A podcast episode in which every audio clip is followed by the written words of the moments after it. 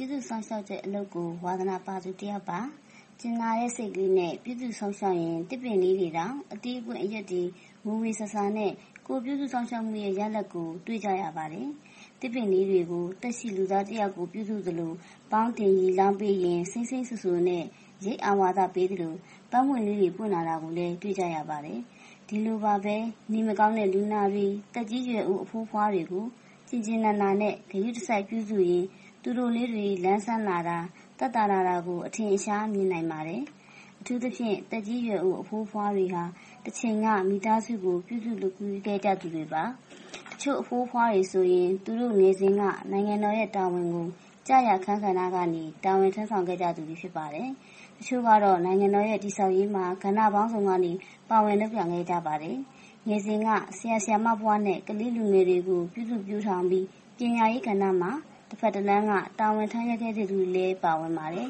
။တချို့ကတော့ငယ်ငယ်တုန်းကတောင်သူလယ်သမားဘဝနဲ့နိုင်ငံတော်ရဲ့စားနပ်ရိက္ခာဖွံ့ဖြိုးရေးအတွက်မနားမနေထမ်းဆောင်ခဲ့ကြသူတွေပါ။ဒီလိုတိုင်းပြည်အတွက်အဘက်ဘက်ကသူတို့တတ်နိုင်သမျှတာဝန်ထမ်းခဲ့ကြတဲ့အလုပ်သမား၊လယ်သမားကြီးတွေအသက်အရွယ်အိုမင်းလာတဲ့အခါသူတို့ရဲ့မိသားစု၊သူတို့ရဲ့ပတ်ဝန်းကျင်၊သူတို့ရဲ့အသိုင်းအဝိုင်းက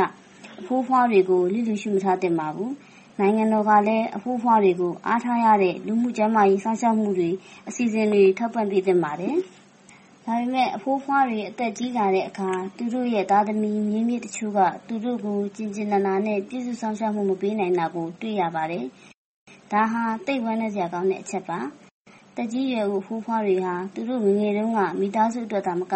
နိုင်ငံတော်အတွက်လည်း တနည်းနည်းနဲ့ အလုပ်ကျွေး ပြုစုခဲ့ကြသူတွေပါ။ သူတို့အသက်ကြီးလာတဲ့အခါသူတို့ကိုနိုင်ငံတော်ကရောလူမှုအသိုင်းအဝိုင်းကပါပြန်ပြီးပြုစုစောင့်ရှောက်သင့်ပါတယ်။လက်ရှိအခြေအနေမှာကျမကသက်ကြီးရွယ်အိုအဖိုးအဖွားတွေကိုစောင့်ရှောက်ပြုစုတဲ့အလုပ်ကိုလုပ်နေပါတယ်။ကျမရဲ့အလုပ်ကိုကျမမေတ္တာ၊စေတနာ၊အကြင်နာတွေထည့်ပြီးစိတ်ပါလက်ပါလုပ်ပါတယ်။ဒါကြောင့်ကျမပြုစုရတဲ့အဖိုးအဖွားတွေကျန်းမာပျော်ရွှင်လာတာတွေ့ရင်ကျမပျော်ပါတယ်။သစ်ပင်လေးတွေကိုဂရုစိုက်သလိုကျမပြုစုရတဲ့အဖိုးအဖွားတွေကိုတအားသမျှကျမဂရုစိုက်ပါတယ်။ ကျမရဲ့အလုပ်ကကုသိုလ်လည်းရဝမ်းလည်းဝတဲ့အလုပ်ဖြစ်တာမို့စိတ်ချမ်းသာပါတယ်။မေတ္တာကြင်နာမှုတွေလိုအပ်နေတဲ့အဖိုးအဖွားတွေကိုအကြင်နာမေတ္တာပေးပြီးပေးခွင့်ရလို့လည်းကျေနပ်ပါတယ်။ကျမလိုပဲလူငယ်လူရွယ်တွေအနေနဲ့ကိုယ့်ရဲ့အဖိုးအဖွားမိဘတွေကိုကျင်ကျင်နာနာပြုစုစောင့်ရှောက်ပြီးစိတ်ချမ်းသာပျော်ရွှင်မှုရကြပါစေလို့မေတ္တာပို့လိုက်ပါတယ်။အပတ်စဉ်တင်ဆက်နေတဲ့သူယုံကြည်ရာကဏ္ဍအတွက်ဘယ်လိုအကြောင်းအရာမျိုးမှမဆိုကိုယ်ယုံကြည်ရာလေးတွေကိုပါဝင်ဆွေးနွေးပေးဖို့ဖိတ်ခေါ်ပါရစေ။ အီးမေးလ်လိပ်စာ burmese@voanews.com b u r m e s e v o a n e w s .com